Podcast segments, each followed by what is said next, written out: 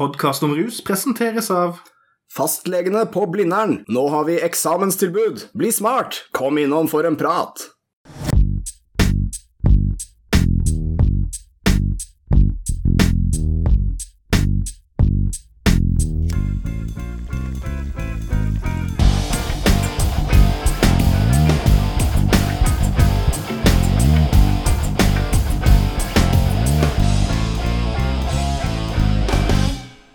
Yes, alle sammen, vi er tilbake for en ny episode med podkast om rus. Dette er egentlig ikke stemmen min. Hei, jeg heter Bøffert Fusk. Jeg heter Per Ståle Honning. Og vi er så innmari tilbake med en ny stil, en ny vår. Alt er nytt. Ikke bli redd, vi har bare fått en ny kompis. Vi skal samarbeide med en avis. Ja, det skal vi, på et vis. Eh, Vi er ikke helt sikre på hvor lenge, eller om det noensinne egentlig kommer til å funke. Men eh, sånn i tilfelle eh, noen skulle lure, og noen nye folk skulle ha ramlet innom denne podkasten, som aldri har hørt på den før, Mm. av dette samarbeidet, eh, så tenkte vi bare skulle si akkurat litt kort hva er podkast om rus, hvorfor burde du høre på podkast om rus, og hvorfor er podkast om rus den beste norske ruspodkasten? Ah, dette er alle veldig gode spørsmål. Det siste spørsmålet er veldig enkelt å svare på. det, For vi, så vidt vi vet, så er vi den eneste norske ruspodkasten. Så vi kan faktisk si det uten å være breial. Ja, eh, jeg regner med at det ikke kommer noen flere heller. Det hadde jo vært jævlig dumt av dem. Vi, de har veldig høy konkurranse. Ja, Alle vet jo det. selvfølgelig. Vi er et uh, kunstprosjekt som søker å underholde i alderen uh, Nå har jeg glemt det. Eh, 11 til det er veldig bredt. 77. Det er sykt bredt. Ja, det er veldig, de aller fleste får være med. Og vi er egentlig bare to uh, sokkelleilighetskarer som har drevet med det her i sånn to og litt grann mer enn det år. To og et halvt, to og tre kvart år ish. Yes, og vi snakker om rus med et veldig bredt, uh, bred definisjon av begrepet rus. Det handler rett og slett om uh, nevrologisk nytelse, så alt som er gøy, er rus. Sier jeg. Til og med en del ting som ikke er gøy, er jo grus. Ja, så, og vi snakker eh, løst og lemfeldig, og vi slår inn åpne dører. Jeg håper alle liker sånn lemfeldig rusprat. Ja, Dette blir vel siste episode i eh, sesong tre. Eh, Dere kan høre oss på Soundcloud og på iTunes med podkast om rus i ett ord. Så bare søk på det, så går det an å leke seg rundt og høre masse, masse middelmådig lyd, men ganske småberusede kranglesegmenter om rus. Det er som ordentlig podkast er. Ja. Det er ikke noe vits å Kanskje, det. nei, kanskje til og med noen kjendisgjester innimellom òg. Det er det verste. Det er faen ikke verst. Jeg håper virkelig mengdene av nye lyttere setter like mye pris på oss som vår ene tidligere lytter. En veldig fast eh, fyr som vi aldri har møtt, men eh, vi har inntrykk av at han er fan. Så nå regner vi med å i hvert fall doble oss til to-tre. Fantastisk. Jeg håper alle har blitt eh, veldig godt kjent med oss. Noe bedre enn det kommer dere aldri til å bli det. Nei. Eh, nå er det på tide å kjøre i gang med en av de spaltene vi har, for så proffe er vi. Eh, Aktuellspalten vår. Aktuelt. Anyways, eh, vi nevnte innledningsvis hvem vi skulle samarbeide med, i hvert fall for denne ene episoden, før de gir oss fyken for den ubetalte samarbeidsavtalen. Gjorde vi det? Sa vi bare avis? Ja. Ja, vi gjorde det. Det er natt og dag. Mm. Jeg elsker natt og dag fra før. Jeg holder meg ikke for god til å ikke si det. Eller si det. Ja, jeg holder meg i hvert fall ikke for god. eh, vi skal ta Aktuellspalten. Der er vi eh, inne på en ting vi har snakket litt om før. Vi er jo veldig gira på situasjonen i Filippinene. Men før vi tar det, så tenkte vi at vi skulle snakke litt om noe som faktisk står i avisen Natt og Dag. Tok oss tre år, men nå her kommer vi med content marketing. Ja, vi har, jeg, jeg tror vi har nevnt det før òg, for de har vært ganske gode i rusdebatten. De skriver om ting vi liker. Og nå har de da nominert årets beste og verste stemme i eh, norsk samfunnsdebatt, og der er det en ruskandidat på begge sider. På årets beste stemme så er nominert Sturla Haugstjerd, blant flere. Trenger ikke nevne de, for de er ikke rusrelevant. Eh, og så på årets verste stemme så er Jan Erik Bresil fra Norsk Narkotikapolitiforening nominert som årets ja, verste. Får jeg ikke understreke nok. Ja, eh, Bresil er vel eh, leder for Oslo-avdelingen, ikke sant? For de har en eller annen Så vidt jeg vet, ja. Det har alltid vært en, Som med alle autoritære regimer, så er òg Norsk Narkotikapolitiforening litt vanskelig å vite. Er det generalsekretæren som har mest makt? Ja, ja, Eller er det partisekretæren? Hvem er det? Det har de styrer overalt. Er de politi eller ikke? Det er, det er veldig mye som er uklart. Eh, jeg syns jo det er Ta det positive først, da. Jeg, jeg, det positive altså, jeg, jeg vil helst fokusere på at det er ingen andre vi kan stemme på. Uh, vi er jo rus-biased. Det er jo veldig mange gode kandidater. Jeg leste på f.eks. Facebook har en sterk eh, nominasjonstekst. Vært eh, jævla kjip i år. Uh, men vi som er så rusopptatte, vi, vi må jo bare henge oss opp i Brasil Bresil, altså. Norsk Narkotikapolitiforening er under hard skyts fra mange kanter, og dette er en, en fin tittel som man kan bære godt. Ja, og hvorvidt Facebook er årets verste stemme, avhenger vel litt om hvor gammel du er, tenker jeg. Ikke sant? ikke sant? Og nei, nei, men den debatten der, den er eh, knakende god, men den er bare ikke rusete nok, altså. Det er bare ikke Nei. Nei. Men eh, Norsk Narkotikapolitiforening har jo vi snakket om veldig mange ganger før. Snakker om dem igjen til glede for nye lyttere. Eh, Det er jo rett og slett en lobbyorganisasjon som eh, for politiets medlemmer, men også andre fra tolletat og litt andre steder. Jurister, og sånne ting. Og de har en tendens til å blande litt kortene og bruke litt politiuniformer når de ikke skal, og stille opp på anti-hasjkampanjer for justisministeren og sånn. Ja, for Hovedinnvendingen er jo egentlig det at dette er en privat organisasjon Ja. som av at de er startet opp av politiet, eller i hvert fall politibetjente, Mhm. så på en måte skor de seg på gloriaen fra politiyrket. Ja, og dette er jo også Når det kommer til faget, eh, som egentlig for dem er politifag, men for oss er mer sånn nerdete teoretisk rusfag, så er de egentlig ikke så opptatt av det. De er mer opptatt av virkemidlene for å få det bort, ikke hva det er. Så når det kommer til debatter om forskning og sånn, så er de mer sånn gutta som veit hva som skjer. Altså, forskere kan mene hva de vil. Jeg vet ikke hvorfor jeg ble sånn rødt stemme på den, men, eh, Nei, men jeg- jeg- gutta på gulvet, typ. Mm. Jo, jo, men altså, jeg tror det er en bra, et bra bilde, det der. Jeg, for det er sånn, om det er en ting som slår inn i hodet på meg når jeg tenker på Norsk Narkotikapolitiforening, og gjerne Jan Erik Bresil òg De er liksom de karene som ikke leser bruksanvisningen når de skal sette sammen et Ikea-skap. De bare knuser til. Nei, ja, ja, de bare sånn ja, ingen skal komme her og fortelle meg hvordan man setter sammen et skap. og så en halvtime seinere sitter de der med tre bordender som de ikke vet hvor de skal sette, og så er de dritsur på fabrikanten. Bare generelt sinne. Ja, det er, det er praktikere. Det, det vil jeg si. Ja. Neppe glad i noen for forbruksanvisning. De jobber ikke etter boka. Men akkurat i dette tilfellet så jobber de etter den veldig kjipe norske politinarkoboka, eh, som ikke fins, men som stort sett handler om å knuse det for enhver pris. Og Bresil har jo også gjort seg veldig bemerket med sånne uttalelser, mm. både i sosiale medier og på en NRK-serie hvor han stolt visstnok har vist fram klipp hvor han snakker om å knuse døra til ungdom som eh, selger hasj eller røyker hasj eller et eller annet. Og det, det er jo disse metodene som er så jævlig gammeldagse, da. Mens rusdebatten går framover på den globale skalaen, så sitter på en måte fortsatt norsk politi og tilsynelatende bare har sånne meninger. Mm. hvor blir da resten av dem? Det må jo være masse forskjellige holdninger innad i politiet også, men eh, stort sett disse som kommer fram. Og det gjør debatten dårligere, og derfor blir han en veldig god kandidat til eh, årets verste stemme. For det er det de kårer, da. Hvem som har eh, gjort debatten mest eh, dårlig. Jeg vil forresten anbefale absolutt alle som hører på denne podkasten, altså alle tre av dere, eh, å gå og sjekke Twitter-profilen til Jan Erik Bresil. Fordi jeg kan ikke huske å ha sett en politimann som har et profilbilde som ser så ut som en, en lineup. Et lineup-bilde. Rett på sak. Rett på sak. Men han mener jo sikkert godt. Tror du han mener godt? Nei. Nei. Veldig bra. Da går vi på neste sak. Eh, nei, nei, vi må også ta litt om eh, Sturle Haugstad, selv om vi har snakket litt om han før. Han er jo en venn av podkast om rus og har bedt om å få være gjest. Det burde han kanskje få lov å få være snart. Ja. Han er jo en veldig sterk kandidat til årets stemme, og at han ikke har vært her, det er jo synd for oss. Hvis dere vil ha han som gjest, send en melding til Sturle Haugsgjerd på Twitter. Ja, ja nå Ta, gjerne tagg han i sånn tre-fire forskjellige innlegg. Og mas på oss, herregud, mas på oss. Please, for all del. Vi fins på Twitter, og vi sier ikke hva vi egentlig heter. Men eh, ja, hva skal vi si om Sturle Haugskjerd? Han har jo tatt masse deilig plass i rusdebatten de siste årene. og Han har fått den på agendaen i en rekke sammenhenger.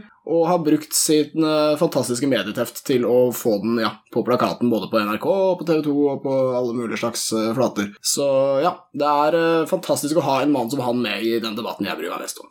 Litt skryt fra meg. Ja, det er vel ganske mye pågangsmot, egentlig, som har vært bra. At det ikke har latt seg stoppe av de liksom klassiske sperringene, da. Men det er jo gjerne en kombinasjon av mange forskjellige ting.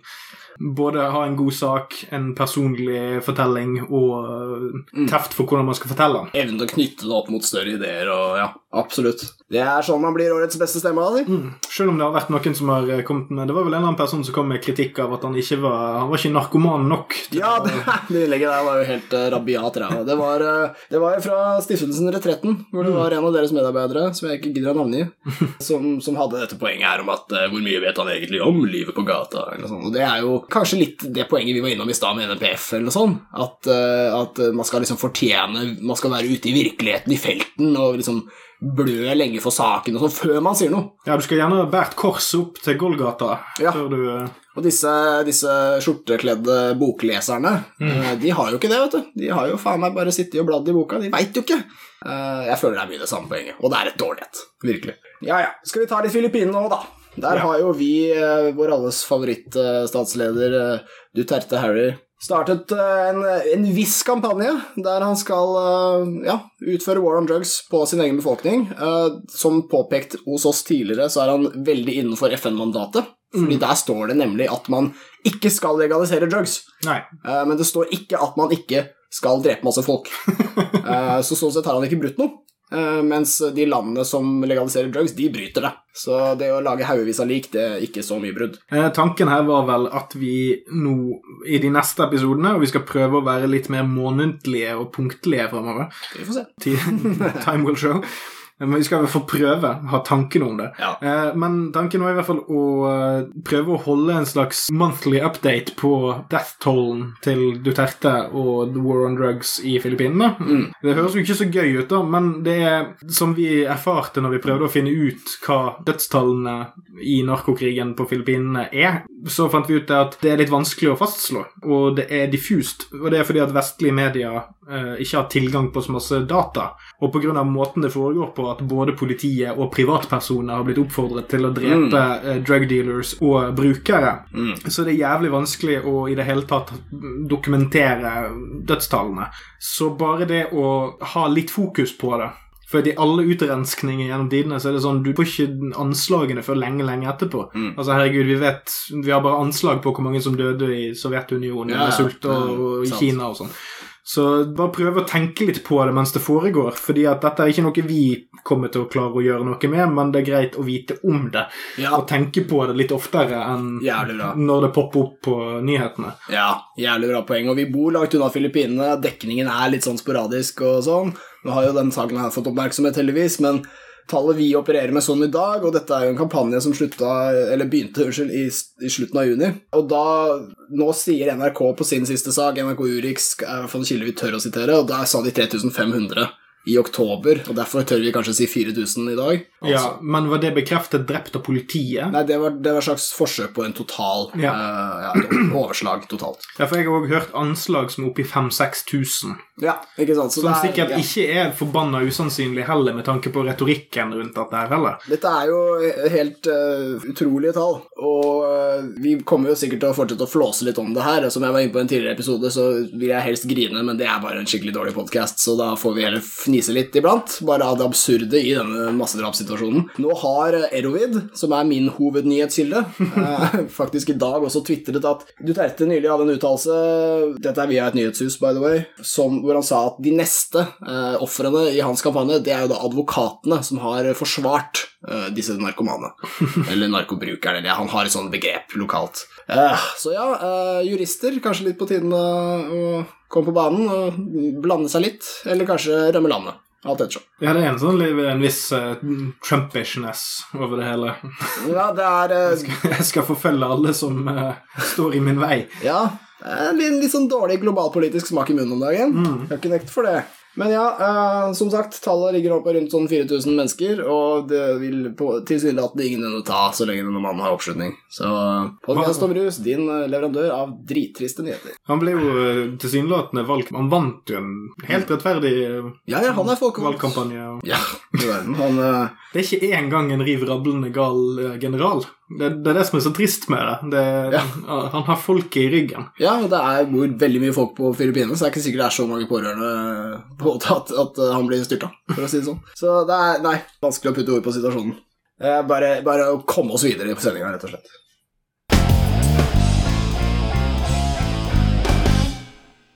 Tema. Vi har ikke sagt tema. Nei, hva er tema? Skal vi si tema? Temaet er smart drugs. Smarte folk sine drugs. Nei da, det er alle drugs. Alle smarte folk tar alt mulig, de. Men uh, dette er altså en egen form for sjanger av rusmidler som uh, på internett og i mer faglige kretser kalles for nootropics på engelsk. Uh, og smart drugs kan kjennetegnes ved at de ikke nødvendigvis handler om rus i en slags teknisk euforisk forstand, men at man bruker dem til å forbedre sider ved seg selv, typ kognisjon, hva enn det er. Hukommelse, motivasjon, humør, sånne ting. Så ganske milde ting, men ofte i en slags enten medisinsjanger eller mer sånn klassisk en eller annen plante noen lager te av, eller det kunne sikkert passa inn det også. Men sånn som vi bruker det nå, så er det da snakk om de, de medisinene som de, de, kanskje gir det til gamle mennesker, gir det til folk med sånn narkolepsi, et eller annet, for å våkne litt. Det er ting som folk bruker til å f.eks. gjøre det bedre på studier. Så det skal vi snakke litt om i dag. Hva er dette her for noe greier? Ja, for min ryggmargsrefleks er jo sånn Å ja, det er Stoffet man tar for å bli flink. Mm. Gjøre noe bra. Smartpilla. Blir alle smart hvis de tar den? Ja. ja, det er det første vi må ta. At nei, man blir kanskje ikke smart. Uh, man må vel fortsatt spille på de strengene man har i gitaren fra før. Uh, en liten gitarmetafor. Men, men nei, altså det er uh, definitivt noe skjerping i dette her. Jeg tenkte også vi skulle litt senere i sendinga prøve å ta en litt sånn etisk debatt om, om vi burde ta dem hele gjengen. Altså, om det er bra eller dårlig. Bør alle ta, eller ingen? Det er sånn jeg liker mine debatter. Uh, og her i Norge så er vi også veldig glad i det sorte og det hvite, og kanskje ikke det grå. Men vi skal kjøre på. Hva er smartdrugs? drugs vi har vel kanskje tatt det lite grann. Det er jo, det er jo ikke et rusmiddel, da. Så sånn sett er jo podkast om rus feil sted. Det burde jo vært podkast om piller. Uh, om medisin, kanskje? Ja, men vi kan jo komme tilbake igjen til det poenget litt seinere. Ja. Altså hvorvidt det er et rusmiddel eller ikke, og Ja. den typen variasjoner. Men ja, kan for vi, det er jo forskjellige piller og forskjellige ting Ja. også. Så da kan vi gå gjennom et par stykker, og så kan vi snakke litt om hvorfor folk eventuelt bruker de Mm. eh, medisinsk. Altså hva det er godt for dersom du får det på blå resept, eller hva faen det heter. Mm. Og hva mannen i gaten kan få ut av det. Mm. Har Og da er eh, det spesielt, det er spesielt Ritalin og Modafinil vi Ja. har eh, tatt fram her som bare sånn arketype eksempler Ja. med en del likheter og forskjeller. Jeg skal ta med en som heter Theanin også, men det, det er på en måte for å slenge på en tredje. Den er liksom, ja, passer ikke helt inn i, i crewet, men vi tar den med. Naturfagslæreren min fra videregående setter pris på Mm. treenigheten. For den liksom uh, gjør- får fram sider ved de andre. For det første, for det andre, for det tredje. Ja, da sitter den litt. Ja, nei, vi tar det. Vi, vi har Ritalin. Det er det første folk tenker på når det kommer til smartdrugs. Og det er jo også noe som selges under navnet Concerta. Og molekylet det heter metylfenidat. Og mange omtaler det som amfetamin. Det viser seg å ikke stemme i det hele tatt. Det ligner lite grann.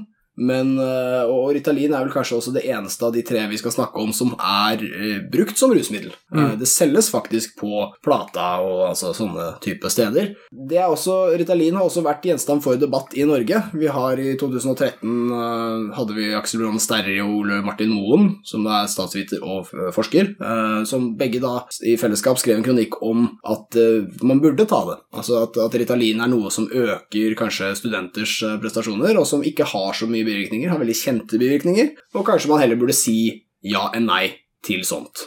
Det er en, øh, det er en bra debatt, øh, som vi skal ta litt mer av etterpå. Men altså, Ritalin er den, er den klassiske. Det er den alle tenker på når vi sier smart drugs.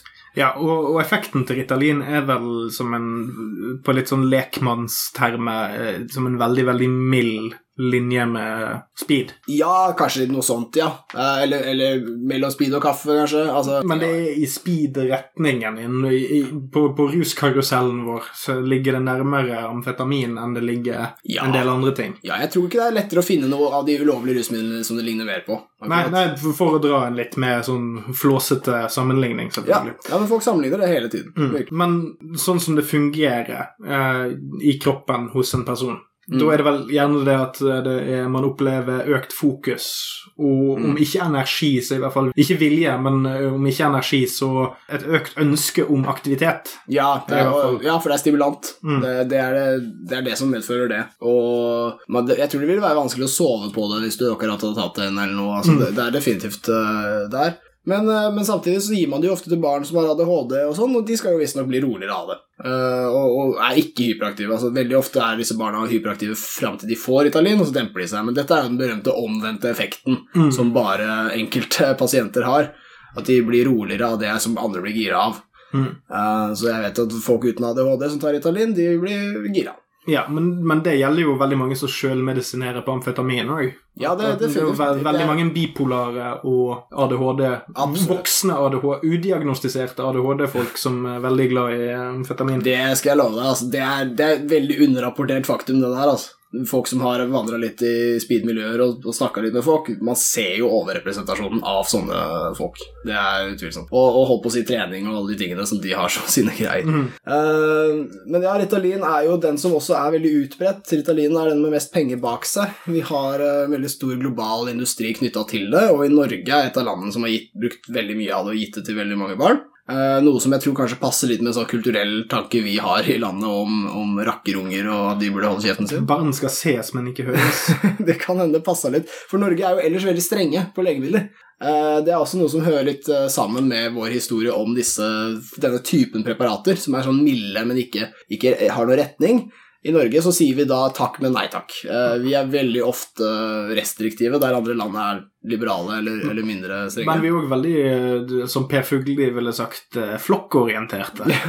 Så det å, å skulle hjelpe en, en Mm. svunnen får til å komme tilbake igjen til flokken og oppføre seg som alle de andre, Mm. og bli inkludert i det store varme, den store varme kosegryten av fellesskap Mm, vi.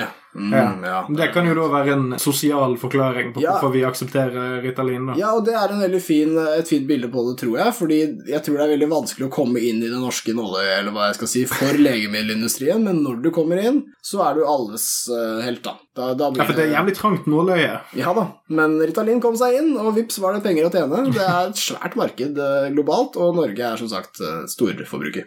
Vi vet vel ikke vet vi nok om hvor mange cirka unge som går på Ritalin i Norge? Nei, jeg husker bare at på en av disse globale rangeringene for noen år tilbake, så var Norge nummer én eller to uh, bak USA. Per- per omregnet, absolutt. Ikke, ikke rentall, fordi fy faen. Da hadde vi vært nummer én omregna, i hvert fall. Uh, men uh, det, er- det er Ritalin, det er på en måte den, eh, den sys, eh, i systemsatte smartdrugen. Selv om vi var veldig redd for hva som kom til å skje med alle disse barna, så kan jeg jo si at det eksperimentet i hvert fall ikke gikk helt i dass. Eh, jeg jeg, jeg syns jo Ritalin har blitt gitt til altfor mange, og jeg syns det er veldig sterkt, og doseringene er kanskje litt høye, men vi var jo redd for skikkelig ille ting når så mange fikk det samtidig. Og det ser jo ikke ut til at det har foreløpig hatt eh, dramatiske konsekvenser. Nei, for Faren der er jo å feiltolke diagnosene. sant? For Mm. Ja, det, det, det, har nok skjedd. Det ble litt som eh, disse antivaksinefolkene som eh, registrerte at det ble jævlig mange eh, folk som hadde, hadde autisme etter at de begynte å få barnevaksine og sånne ting. sant? Ja, Mm. men så er det jo på den andre siden at man begynte å diagnostisere autisme i mye større grad, og fange Ja. opp stadig flere òg, så du har en sånn sammenfall-sak Ja. som ligger i bunnen der. Og det er jo òg litt det samme med ADHD. Det er jo en ting som har kommet de siste fem, 25 årene spesielt. Mm. Eh, og egentlig veldig mye de siste 15, kanskje. Ja, Det er da jeg føler det begynte å poppe veldig opp som en sånn snakkis, i hvert fall. ja. Så det er jo òg en viss fare for at man tenker å ja, har plutselig alle ADHD nå? Mm. Og det er, jo, det er jo selvfølgelig et argument der i bunnen at ja, vi må passe på å ikke overdiagnostisere folk, Ja. men det kan jo òg være det at vi nå fanger opp veldig mange folk som falt utenfor før òg. Så det er sånn, man, man kan være jævlig kritisk, men det er òg denne Vi redder nok mange òg. Så det, det, det den der litt, litt ekle mellomgreien der med at du vet at det er noe ekkelt som foregår, men du kan ikke helt sette fingeren på, på, på omfanget. eller... Mm. ja. Du bare kan se for deg scenarioet der det går til helvete. Ja, og den ADHD-paraplyen har jo også vært litt stor. Den blir jo bare mindre og mindre, og jeg tror kanskje Norge og enkelte land var litt ivrig på, på den hyperdelen. Eh, det fins jo ADD også, men det er, det er særlig sånne bråkete folk. Så i, I veldig kollektivistiske samfunn så har du sånne hyperaktive mennesker. De er jævlig brysomme, i hvert fall hvis de er små og, ikke underlagt straffelov og sånn. Ja, det er jo, det er jo en sånn eh, berømt antitegneserie som verserer på internett. Det er en sånn uautorisert Tommy og tigeren rip-off. Det er der det er noen som bare har tatt Tommy og tigeren og sånn. så- altså, Jeg husker ikke helt hvordan han går, men greien i hvert fall er at Tommy har det kjempegøy ute i skogen sammen med tigeren og sånn, og så tar de han med til legen, og, han, og så sier de sånn Han ser ting som ikke er der, og så får han piller, og så sitter han der helt alene, og så kommer tigeren aldri tilbake. Ja, jeg husker en punchline fra den serien nå. Det var sånn der uh, Foreldra ser på han, så bare tigeren er ikke der. Oh, the pills must be working. Og det er, det er mørkt, ass. Å, fy faen, jeg elsker at sånne tigeren. Ikke drep tigeren, da! Hæ? Eh, men ja, eh, veldig bra innspill. Eh, vi har eh, et par andre her også. En som er sånn omtalt nå om dagen, og det er modafinil. Det er en av de som er litt mer spennende. Og med en gang disse tingene her begynner å bli spennende, da er det på tide å roe seg the fuck down i måten man omtaler de. Fordi det her kan ta litt av. Uh, la oss ikke Akkurat som man bør behandle folk som er på de. Ja. Uh, Ro deg the fuck down! Sett deg ned! Du er ikke Einstein. Uh, men, men vi, må, vi, må, vi må passe oss litt for Fordi vi snakker om ting som er veldig allmenne, og alle har lyst på bedre hukommelse, alle har lyst til å føle seg bra, alle har lyst til å bli smarte, men da blir ting fort i reklame. Når det omtales positivt også. Men før, før vi legger Ritalin helt fra oss, bare kjapt. Mm. Det brukes Vi sa det innledningsvis, men det brukes veldig mye av eh, studenter i eksamensfasen. Ja. Det er generelt, men altså òg i lesing over semesteret, men spesielt i eksamensfase. Ja. Og, og grunnen til at de bruker det, er for å kunne lese mye og huske mer av det. Ja. Basically. Konsentrasjon og motivasjon. Ja. Ja, Bare sånn at vi har det i bakhodet mens vi går videre til Ja, nei, men Det er veldig bra du tar med den ramma der, for jeg føler at det er en ramme vi kan ha på hele praten her. Ja, Hva er funksjonen, hva er motivasjonen, og Ja. hva er belønningen? Ja, og, og hvis vi, vi skal ta en parallell til eh, ja, ta amfetamin, ta speed, som vi har vært innpå, som vi kommer til å være innpå igjen, uh, så er det, hva er det som er ikke smart med det? Du kan f.eks. bruke speed til til å vaske leiligheten. Altså, du, du klarer ikke å sitte stille, så da er det kjempedeilig å starte masse prosjekter. Mens uh, jeg tror ikke smart drugs, selv om de er stimulerende, ville vært så bra til det, å vaske leiligheten. De er mer bra til å tenke, organisere, sette opp noen budsjetter og sende noen mails og sånne ting. Dette er mer tanke. Langt mildere effekter. Litt mer firedimensjonalt.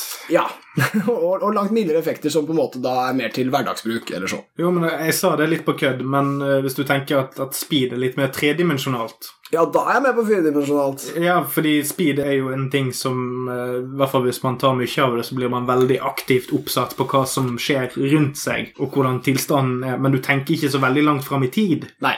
Det er, en, det, er en veldig, det er en veldig kort prosess, det er ikke så veldig mye planlegging for dagen etterpå. Ja. Mens Ritalin eksempel, brukes firedimensjonalt, altså som med, med, med tid. Altså, Ja. det, er, det er et mål over en lengre periode. Ja. Mm. Ikke nødvendigvis i øyeblikket, men i morgen, over i morgen, Mm. seinere. Men, men veldig bra. Det, det virker som at hvis vi, Nå skal jeg ikke holde meg på spill så lenge her, altså. Men hvis folk skryter av det, det mange som har sagt. Og så tar det litt mer, si. Men det er mange som har skrytt av liksom, kvaliteten på det. Da får du f.eks. vaske leiligheten, eller f.eks. lest, eller Men, men greia er at det er for sterkt til det. Og jeg tenker at det er det disse smartdrugsa kanskje tilbyr. De tilbyr et sånn lettere nivå. Der det er mer uh, overkommelig å kanskje tilpasse det, bruke det instrumentelt til uh, f.eks. studier. Jeg tror det er, det er sånne ting vi må fokusere på, sånne oppgaver. Eh, skriftlige, lese altså mye Kjedelige ting. ja, kjedelig. Sitte på ræva og, og tenke med hjernen sin ting. Uh, som ikke alltid uh, Kanskje har du lyst til å løpe litt rundt, ikke sant? Altså, men, men det er sånne ting. Og eh, da må vi over på modafinil, fordi det er interessant i akkurat den forstand. Modafinil er noe som gjør at du blir våken, og du, det varer ganske lenge, så du, du er våken i en ti timers tid. Noe sånt. Og det de har funnet ut med modafinil, er at du blir ikke, så, du blir ikke stimulert av det. Så du får sove greit de neste dagene. Bivirkningene er mildere enn fra de andre preparatene, sånn som Ritalin. Men også Ritalin er jo utbredt fordi folk får sove på det. Fordi det går an å bruke det til hverdagsbruk. Mens modafinil ser ut til å være enda lettere på et eller annet vis, men enda mer fokuserende for tanken. Eh, problemet med modafinil er at det er veldig nytt, og det er ingen som egentlig veit hvordan det fungerer oppi huet. Og det brukes hovedsakelig til å behandle narkoleptikere Ja, det er det det skrives ut eh, resept mot. i Norge. Eh, ja, det Men det selges over disk i andre deler av Europa og Ja. verden. Riktig, og det er, det er også en veldig viktig del av smartdrugs-debatten, er hvordan de burde selges, og landene har helt ulike uh, tolkninger, og det gjelder også innad i EU og sånne ting. Modafinil kan du f.eks. kjøpe i eh, ja, i hvert fall Spania, for eksempel. Det er et veldig klassisk eksempel på et land som har litt, litt slakkere regler på apoteket. Ja, men det er jo òg folk eh, som har veldig mye mer siesta enn det vi har. ja, kanskje de trenger litt modafinil? Ja. Kommer Du opp kan ikke bare gå og legge deg midt på dagen Nei, så opp igjen og så få unna Åpne restauranten, steke noe til meg. Faen. Vært i Spania, jeg, si. Men, eh, Men vi kommer jo tilbake igjen til det med regulering i eh, diskusjonsbiten vi hadde tenkt å legge opp. Definitivt. Forhåpentligvis. Nå kan det jo godt hende at vi ikke kommer til å gjøre det, siden jeg sa det. Men eh, ja, vi får se, altså. Men modafinil er Jeg har lest en annen test på det, og da hadde de testet øh, mot Ritalin og mot øh, sterkere amfetaminer. Og det de fremhevet var bra med modafinil, eller, eller mer gunstig enn de andre, det var det at de trengte mye kortere recovery-tid, så at folk kunne sove samme dag. Og, og vi vet veldig lite om effekten i hjernen på dette her. Jeg leste om det nylig. og da, det, det, det vi vet best om, er denne Litt som vi har vært inne på før med rusforskning, at vi har ikke alltid sånn kliniske studier på hva som skjer kortsiktig. Men det vi ofte har, er mennesker som har brukt det i jævlig mange år likevel. Og det har man veldig mange av på monofinil, narkoleptikere som har brukt det nå siden det kom, i hvert fall en 30 års tid, uh, som ikke har nevneverdige plager. Så det, det, antyder ja, så det kom eh, på 80-tallet, eller ish. Ja, og har, uh, har vært brukt siden. Uh, Den siste jeg skulle ta, som ikke passer inn, kan jeg bare ta veldig fort, er tianin. Tianin er et slags smartdrug fordi det egentlig ikke kan brukes til så mye annet. Men tianin er en, en aminosyre som gjør det til et veldig sånn vanlig næringsstoff. Og det er også neuroaktivt, og det er det interessante med det. Så du kan uh, få en mild angstdempende effekt av å spise tianin, selv om det er uh, lovlig i Norge over disk, selv på helsekost. Og det er jo ikke så verst. Men er det dette som tar edgen av kaffe, f.eks.? Ja, stemmer. Det er, det er en av de tingene Hvis du får skjelving fra kaffe, eh, drikker litt for mange kopper og tar tianin, så, så demper det skjelvingen, f.eks. Og det er litt sånn som mot sånne ting folk bruker det. Men også hvis du har litt mye hverdagsangst, hvis du skal holde en tale eller gjøre et eller annet som er litt eh, mye, så, kan, så har jeg lest at folk tar tianin, og så, så får du en litt sånn mild effekt. Det Men her er det snakk om sånn nesten ikke merkbart. Veldig mild, ja. Eh, Som i hvis du ikke tenker på det, vil du ikke legge merke til det. Uh, nødvendigvis trolig. Men noen vil merke det. Noen mennesker er mer hypersensitive enn andre. Ja, selvfølgelig. Det er jo det som er litt problemet med å snakke om smart drugs, eller om atferdsregulerende stoffer generelt, er jo nettopp det at vi antar at folk har en sånn flat Ja. eh, normalkurve som alle Min referanse henger på greip for, for deg, og din referanse henger greip for Jens Ja. Stoltenberg, liksom. Men for å si det sånn, eh, Hvis vi tar tianin som da, så kan det hende én person trenger én pil og én trenger tre, men, men hvis effekten oppnås, da, så er den forhåpentligvis lik, eller sånn noenlunde. Og tianin er eh, Det fascinerende med det er at det er veldig, veldig få bivirkninger. Altså Den maksimalt anbefalte dosen er sånn 2,5 gram om dagen, eller noe sånt, og en aktiv dose er 150 milligram. Så er, du kan på en måte ikke gjøre så mye feil med dette her. Og det er også det ser også ut til å være kriterier for at noe skal selges over disk uten resept i Norge. Da skal, da skal hvem som helst kunne spise store mengder av det uten å få problemer. Ja, og også kalt alternativbransjen. Ja, og når det er piller i en boks, da skal jeg love deg at i Norge så kan du, kan du gjøre store feil og overleve eh, med de. Og det er veldig, det er veldig mye fint med de. Eh, Jeg må bare si det, Av og til er jeg frustrert over å bo i et restriktivt land, men det fins også store, stygge ulver i industriklær eh, som står og lusker der ute, så det er ikke bare kjipt. Men nå over til debatt. Og eh, det blir en eh, debatt av eh, etiske dimensjoner på denne her.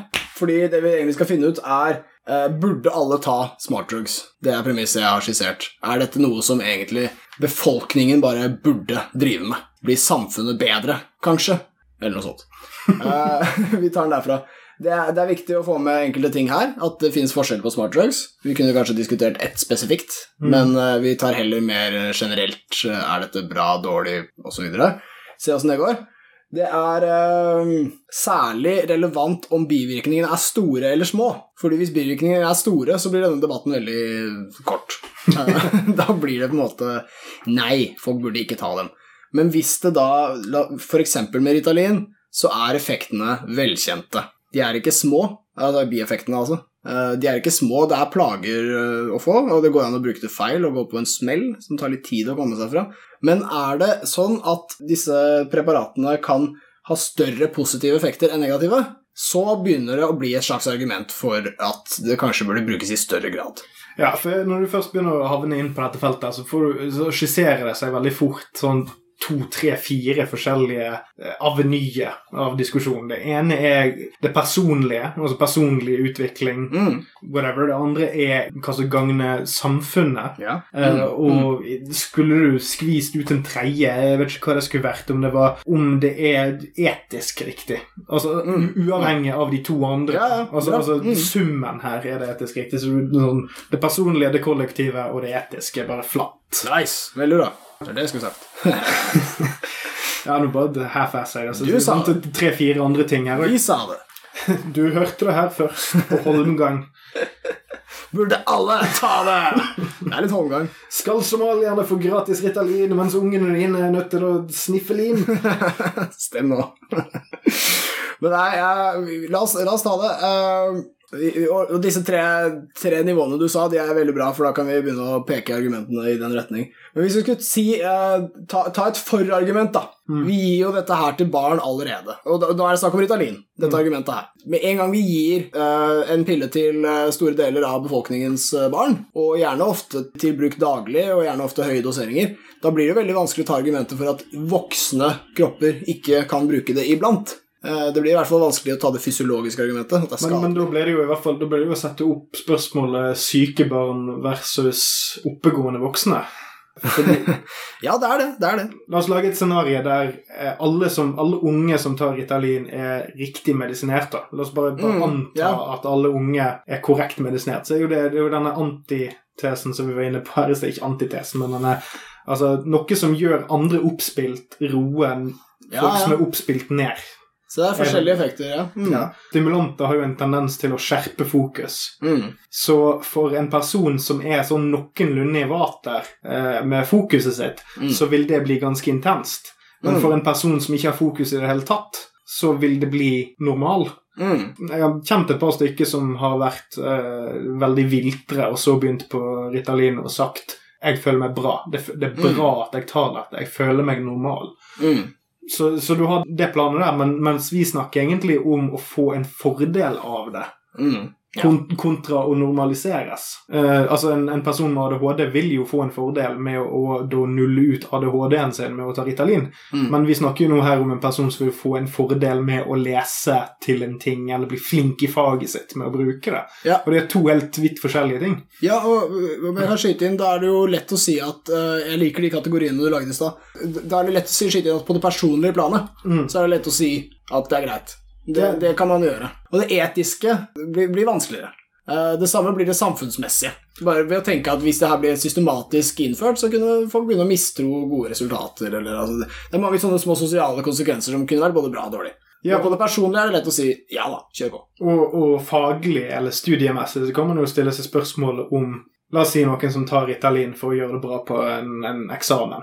En Mm. viktig eksamen. Så la, la oss si at det er for å klare å få til mastergraden sin, eller whatever. Mm.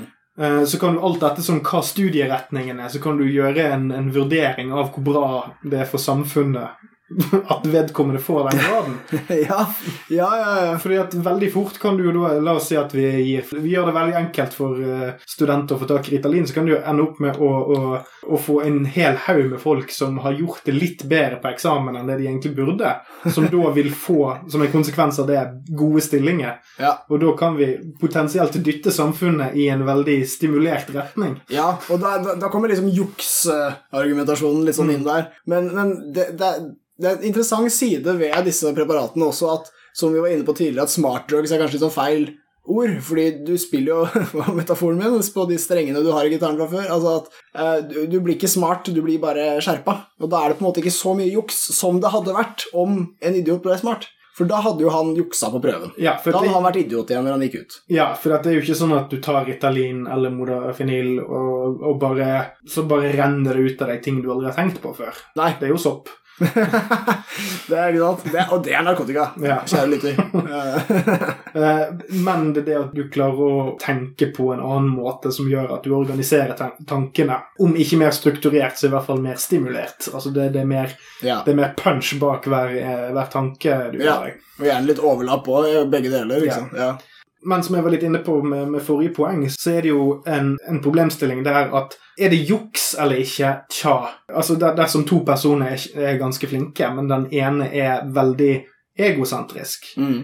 Så er det å ta Ritalin for å oppnå personlige mål, som å gjøre det bra på eksamen eller å klare det jobbintervjuet eller hva enn faen, Mm. da er det en personlig ting. Men en person som ikke tar et stoff for å bli flink i en ting, vil jeg anta i snitt, bare på en bred generalisering, være litt mindre selv selvisk. Kanskje? Jeg, jeg vil anta det, faktisk. Jeg vil anta at folk som ikke tenker den tanken, har en tilbøyelighet til å være mindre Det kan være. Det kan være godt det. Fordi jeg tror det å gå fra å tenke jeg kan bli god i noe hvis jeg bare gjør denne kjemiske tingen, Mm. er mer selvisk. Men hvis det er sånn at han blir bedre av pilla, så burde jo han uselviske fyren vært mer selvisk. eller noe sånt. Men hvis han tenker at han ikke trenger det, at det ikke er altså, leit, det, ja, men det har med, og, Som sagt, vi snakker jo om hvilke strenge Du har de samme strengene, du kan spille på dem. Ja. Eh, Men måten du velger å spille på, vil jo òg påvirke måten du leverer på. Ja. Hva slags sjanger med musikken vi snakker om? Mm. ja, sant. Er det speedmetall, eller er det klassisk jazz? Ja, ja visst. Ah, det er en, en annen ting jeg hadde tenkt å dra inn for å forvirre metaforen. Ja. En ting jeg hadde tenkt å, jeg lyst til å dra inn nå som vi var på denne utdannelse, øh, det var noe vi var inne på tidligere i dag, om det er smartdrugs rusmidler, og det fins jo en viss sånn overlapp der, ikke sant? Og jeg har lyst til å ta et eksempel i forbindelse med utdanning og det som disse ofte brukes til, da. Det er kjent for å være puggedop og disse ordene. Eh, Men det er, altså, det, er klart det fins en ruslignende effekt, en eufori knyttet til å føle klarhet, å føle seg ovenpå, å føle seg sterk, vellykket, mestrende, alt dette her. Eh, Så sånn sett kan man si at det er rus, og, og, og klarhet er jo et veldig sånn vagt begrep, å føle seg energisk er jo, og sterk, det er jo kjempedeilig, ikke sant. Men, men hvis du da, med en gang man har begynt på et studieløp, så har man på en eller annen måte lagt en kurs, og den kursen, den kommer, eksamensdatoen, den kommer en eller annen dag uansett. Og når den datoen er der, så har du på en måte to forskjellige utfall, og det er enten så gikk det bra eller dårlig. Og da har du investert i en viss form for rus. Altså Hvis du klarer å mestre og får den graden og bare kommer deg videre i livet, så har du liksom Da får du anerkjennelse av familien din, og du får liksom masse gode følelser knytta til det. Så jeg kunne jo av og til sett smartdrug som sånn langsiktig investering i eh, en mer sånn eksistensiell rus eller noe sånt. En sånn mening i livet eller noe. Da får du en voldsom dybde, plutselig. får trekke det tilbake inn til det firedimensjonale. Ja. voldsom dybde. Ja, fordi at uh, i den grad du kan kalle de rusmidler, så er det jo nettopp denne personlige, litt selviske tingen igjen. Altså at det at du personlig opplever en glede med å ha klart å gjøre noe. Mhm. Altså du dytter deg sjøl. Det vil vel de aller fleste ha med måloppnåelse. Så er jo spørsmålet er det da med på å fostre eh, videre kreativitet. Mm. Hvis du har brukt Ritalin for, eller Modafinil eller whatever for å klare å gjøre det bra på en prøve, hvordan stimulerer det deg til videre vekst? Ja, det er et godt spørsmål. Fordi en person som da gjør de samme tingene uten å bruke substanser for å skjerpe seg, Mm. vil jo få den samme belønningen, men absolutt vite at det var deg sjøl. Mm. Du trengte ingen krykke, du trengte ingenting å få deg på rett for krykke er kult. Ja, du, du trengte ingenting for å få deg på rett spor. Ja. Men hvis du har klart å få en, en A på masteroppgaven din på Ritalin, så vil du alltid vite med 100% sikkerhet at du tok Ritalin. Men det var jo en superkrykke! Fantastisk yrke! Ja, men igjen, eh, dette er jo subjektivt. Sant? Ja, det er, jeg syns poenget ditt er jævlig godt. det, jeg, det, er hvordan man, det er hvordan man oppfatter sin egen, sin egen oppnåelse. Ja, og jeg tror eh, for de som tar det, så vil nok de veldig ofte ha en forståelse av at det er ikke substansen som på en måte gjør får suksess på eksamen, det er meg. Det er bare sånn verktøy, tenker Mm. sikkert den som tar det. Men fra utsiden, samfunnets fordømmelse, apropos disse tre kategoriene igjen, så, så vil man jo alltid se på den som gjorde det uten Mm. hjelpemiddelet, som mer nobel, mer ren, et eller annet et, Mindre krykkeavhengig, Det- definitivt. Dersom lytteren er usikker på hva vi snakker om nå, så kan du bare gå og se epos eh, Rocky 4. Å ja, ok.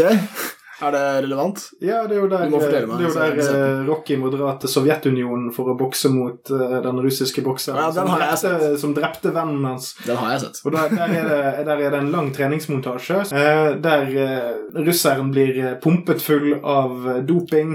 Riktig. Og Det han trener med masse Det maskiner. er ikke nobelt. Nei, det er ikke nobelt. Det er faen det. ikke nobelt, mens, mens Rocky løper opp fjellside og, Det er og løfter hest og kjerre og Mm. trener i en låve. Mm.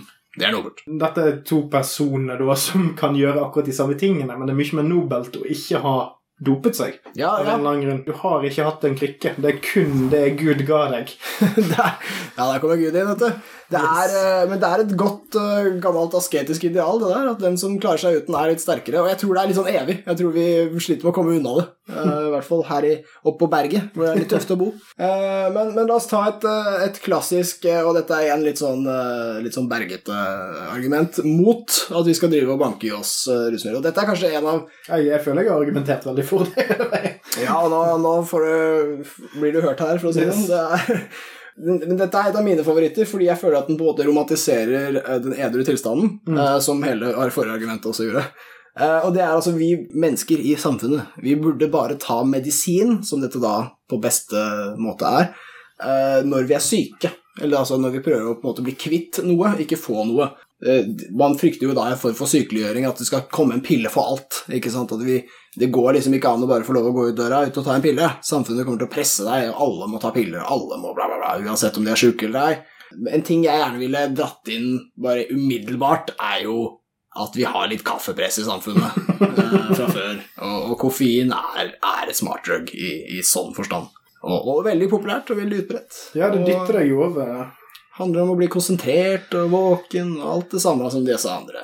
Ja, fordi at modafinil har den fordelen at det ikke gjør deg stimulert, som kaffe gjør. Ja, det stemmer. Du blir stimulert av kaffe, definitivt. Ja, mens modafinil er mer et slags fravær av anspenthet eller Mm. oppvakthet. Det er en tilstand av, så vidt jeg har forstått, bare våkenhet. Mm. Absolutt våkenhet. Jeg vet ikke hvordan man skal snakke Ja, ja. om det sånn at alle forstår det, men Nei, men det, Eller at jeg forstår det. Jeg, jeg synes det høres rart ut bare med, med våkenhet uten stimulans, for jeg tenkte de hang sammen, men, men det, det ser altså ut til at folk blir veldig våkne og kan bare være våkne, og ikke verken skjelvende eller svette eller varme eller noen av disse andre stimulanssidene. Nei, for der, der kommer det veldig fort inn en sånn uh, tanke. For jeg har snakket med ganske mange uh, folk som bruker rusmidler i ulik grad. Mm. Og en ting jeg har en tendens til å plukke opp at de snakker om, så er det at det, det koster noe. At det er alltid en eller annen slags sånn en planleggingsfase. Og er en sånn her recuperation. Altså, Mm. man, man sitter alltid og snakker om at altså, det man har tatt kvelden før, det, det koster dagen etterpå. Sant? Ja, Altså, om, det, om det er bakfylla, eller om det er for mye MDMA, eller hva enn det er. Eh, men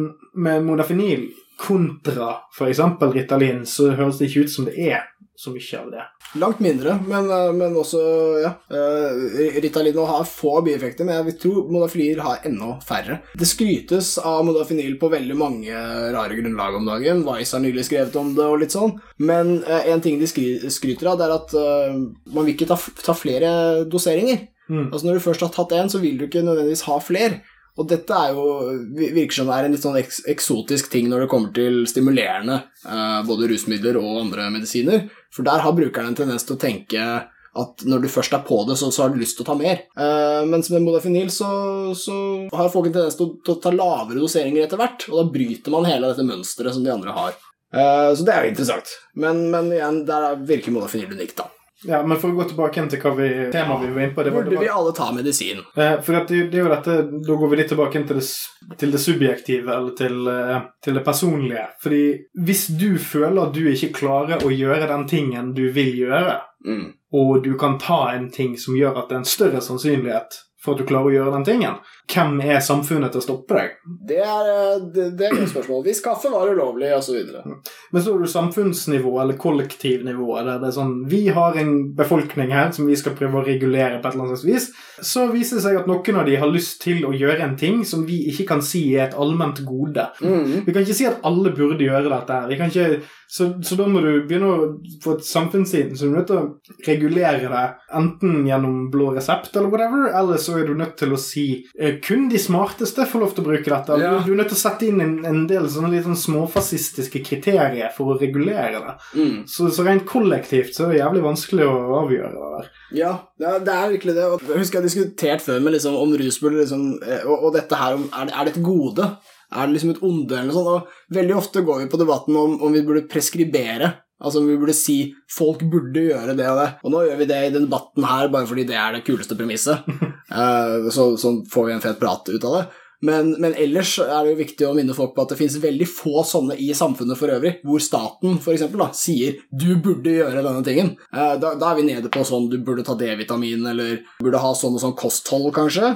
Jeg vil påpeke det at selv på ting som folk faktisk burde gjøre, sånn som uh, ha sex eller sånt, så får du ikke sexkampanjer. De vil bare opplyse om tingen, de vil ikke si hva folk burde gjøre eller ikke.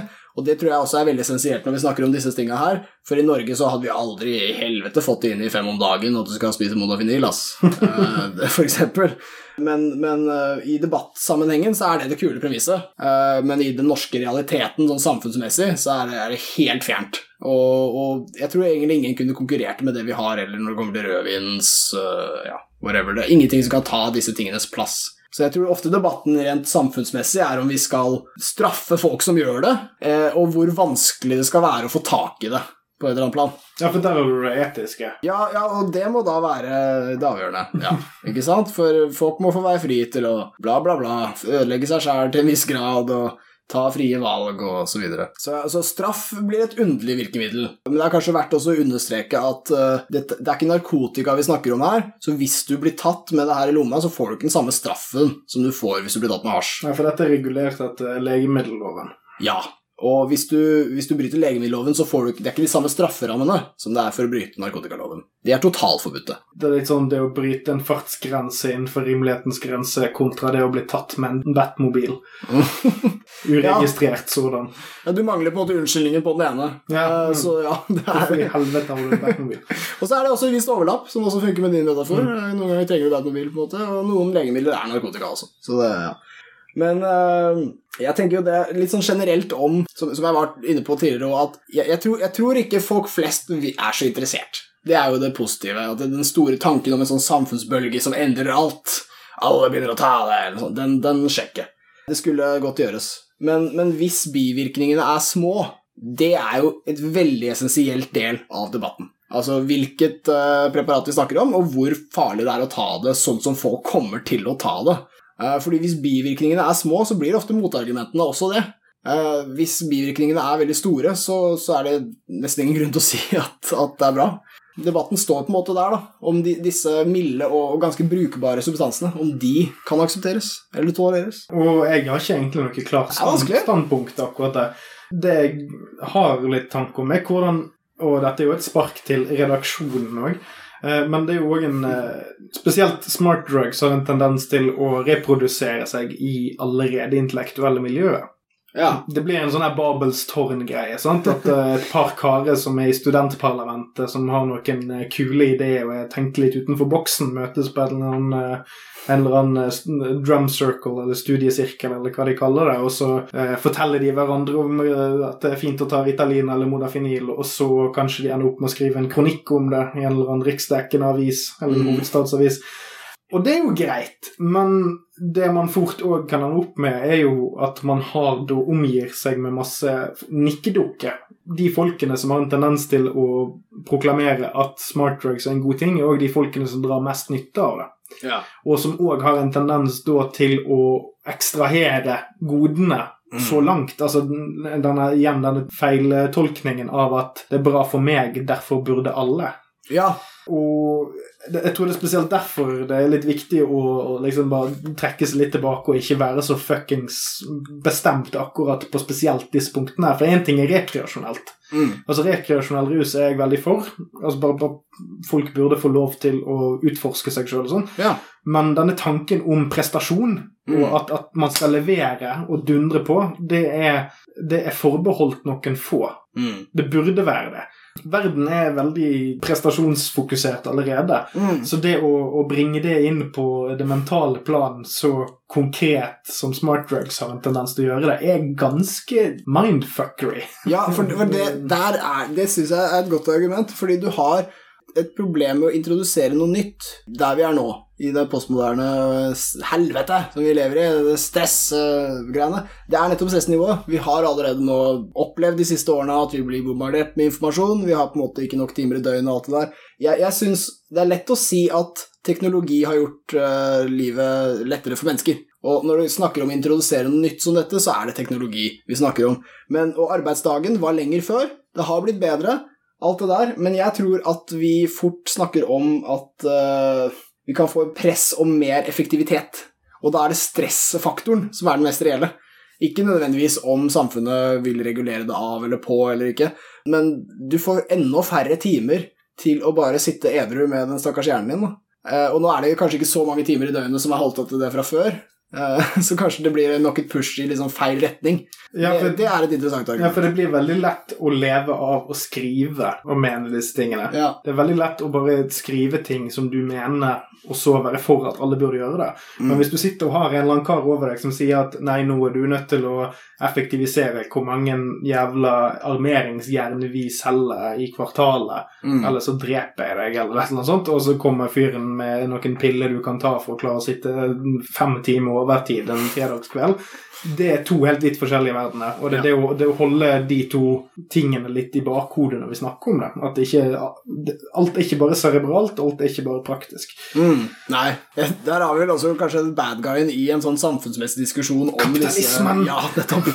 I en samtale om disse stoffene, så er det liksom Det er den der skumle sjefen på toppen, liksom. Mm. Da han får vite at det er en eller annen pille som alle de ansatte kan ta, og så vips, så tjener han mer penger. Så ja, det, det bildet der er litt sånn komisk karikert, men også helt sånn reelt. Det er, vi, vi lever alle under en viss form for pisk, og vi, vi vil selvsagt ikke at den skal få vite om sånne triks som det der. Det som hadde vært best av alt, var jo om vi visste om triksene, og de som holdt pisken, aldri visste om det, sånn at vi kunne få mer makt over den på et eller annet vis. Ja, det er jævlig, jævlig kult om det er du som holder pisken. Det er ikke så jævlig kult om liksom, det er slave, Ja. slavedriveren som holder den. Ja, ikke sant, for da blir det fort liksom, sånn klasseperspektiv på dette her, da. Hvem er det som skal ta ja, modafinil eller Ritalin på jobb, på en måte? Ja, og så plutselig er vi inne i en sånn Elders Huxley, uh, Brave New World-æra. og Ja, og Brave New deles vi inn i alfa og beta og deta og zeta. og- Ja, og det er, eh, det, er, det er et veldig bra perspektiv. Jeg håper lytteren kjenner til boka Brave New World av Aldous Huxley, som på mange måter kanskje treffer bedre enn Orwells 1984 når det kommer til å beskrive et slags fengsel for den moderne tilstanden, hvor vi alle bare gjør det vi skal, låser oss inne, får en eller annen form for positiv belønning for å gjøre som vi skal, og dermed gå videre og finne motivasjon til neste dag. Smart drugs er eh, litt sånn, men jeg tror også at de som argumenterer eh, Jeg skal ikke name-droppe, de hører kanskje på De argumenterer for at vi skal bruke mer av sånne ting, også er de som kanskje er litt positive til Brave New World. Eh, også rett og slett er de som tenker at det, det burde vi jo bare få. Vi burde jo bare innføre det. Eh, og, og det totalitære er selvfølgelig problemet her, og la oss ikke gå inn på den. Men eh, jeg tror vi skal være, som du sa, passe oss litt for forenklingene på denne her. ass. For jeg merker hvor vanskelig den er. Det finnes jævlig mange aspekter. Og det skal være en jævlig god pille hvis du skal drive og si allmenngjøre en eller annen preskribering. Si at uh, dette, 'dette burde du prøve, nabo'. 'Dette burde du prøve, fetter'. Jeg vet ikke om den pilla fins, ass. Hvis den fins, så, så vil jeg nesten ikke høre om det, for da er det en eller annen firma som eier den. Nei, det er noe skummelt der, ass. Og hvis du tenker for mye uh, på disse tingene, så kanskje du trenger en avrusning. En avrusning! Yes, og for de som ikke skjønner hva avrusning er, så er det selvfølgelig oss som rapper opp dritten 'slap a bow on this puppy', som jeg elsker å si hver eneste gang. Uh, yes, vi har snakket om at vi har fått oss eh, venner i mediebransjen. Ja, så får vi bare eh, faktisk name-droppe Natt og Dag, da. Skjæra til Natt og Dag. Siden, siden vi har bare litt dårlig på introen. Så bare, ja, de, denne episoden i hvert fall er i samarbeid med Natt og Dag, så får vi se om de er fornøyd. Men det er jo ikke akkurat sånn at de kan gi oss sparken heller. Nei, jeg understreket at jeg Altså, vi, elsker det. ja, altså, i, I verste fall så sier vi ikke presenteres i samarbeid med Natt og Dag neste gang.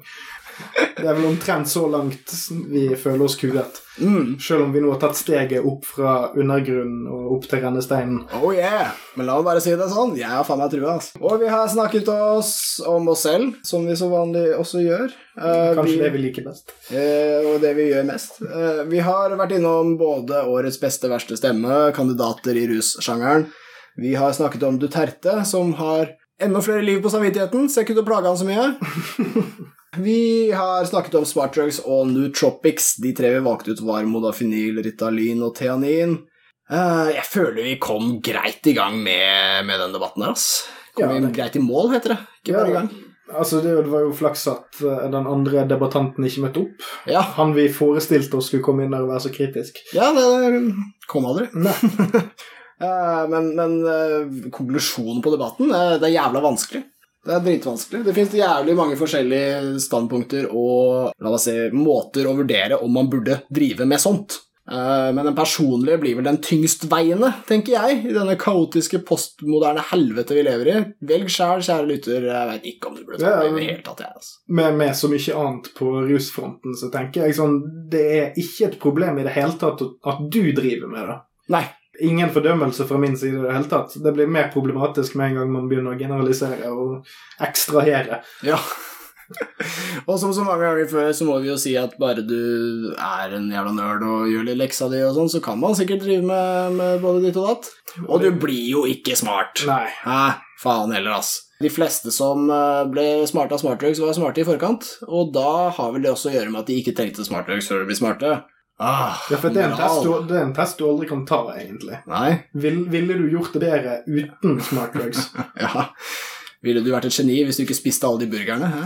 Ja, og der, der kommer et poeng som vi kanskje hadde litt, eh, litt i diskusjonen, men som kanskje trenger å bare eh, sparkes litt eh, inn i mål her, er jo det at det øyeblikket der du bestemmer deg for å ta en smart drug for å klare å bestå en eksamen, eh, hvordan kan du ekskludere muligheten for at det var det øyeblikket du bestemte deg for å gjøre det bra? Mm. hvordan du, du kan aldri ekskludere muligheten for at du ville gjort det like bra uten. Mm. Fordi du, motivasjonen ligger i bunn når du begynner å ta Ja. Ritalin, når du begynner å ta modofinil. Yes. Det er ikke ofte vi er på de asketiske idealene her i podkast om rus og på en måte dyrker den rene, pure Jeg, edruskapen. jeg sier ikke at det er et ideal som nødvendigvis er perfekt, eller whatever, men du kan aldri ekskludere muligheten for at det ville gått like bra. Det, definitivt. Og det er, den er overhengende. Den er der hele tiden. Og jeg, jeg kan lett si hvorfor det asketiske ideal kommer så ofte med på sånne ting. Hvorfor vi snakker om det edru som sånn pur, ren tilstand, og det ikke er. Og vi er stort sett dritings når vi spiller inn disse podkastene. Jeg lover deg vi er. Det er ikke ofte vi tar for oss det asketiske ideal som noe positivt i podkasten men jeg kan så noenlunde forstå hvorfor vi gjør det, og det er fordi at det er i hvert fall allment eh, samfunnsmessig bærekraftig. Det asketiske ideal kommer jo fra bibeltider. De prøvde å bygge samfunn, eller de visste kanskje ikke at det var det de gjorde, men det var det de endte med å gjøre, si. Og det er rett og slett eh, kollektivt det beste. Hvis folk bare ser på den åpenbart helt obskure edru tilstanden som et slags gode, for da overdriver de ikke eksperimenteringen, så da går det ikke helt bananas. Så hvis jeg skulle liksom gitt et råd til flokken, så ville jeg sagt det er fint å være ren, det er godt å kose seg, og med å, å ikke kose seg for mye, rett og slett. Men når det kommer til individet, når det kommer til å gi lytteren råd, så, så jeg veit ikke om du burde ta det. Jeg veit ikke. Jeg kjenner deg ikke. Så øh, plutselig så blei vi liksom asketer. I hvert fall jeg. Jeg har aldri i mitt liv øh, tatt til orde for øh, edruskap generelt, som jeg gjør i dag. Jeg tenker du kan alltids ta et stoff hvis du blir mindre drittsekk. Hvis det gjør ditt liv bedre, så kan det hende det gjør samfunnet bedre òg. Yes. Ja, dette var podkast om rus for denne gang. Dette ble den mest profesjonelle avslutningen vi noensinne har hatt. Følg oss på Soundcloud, hør oss på iTunes, send det i posten til din mormor. Takk for i dag.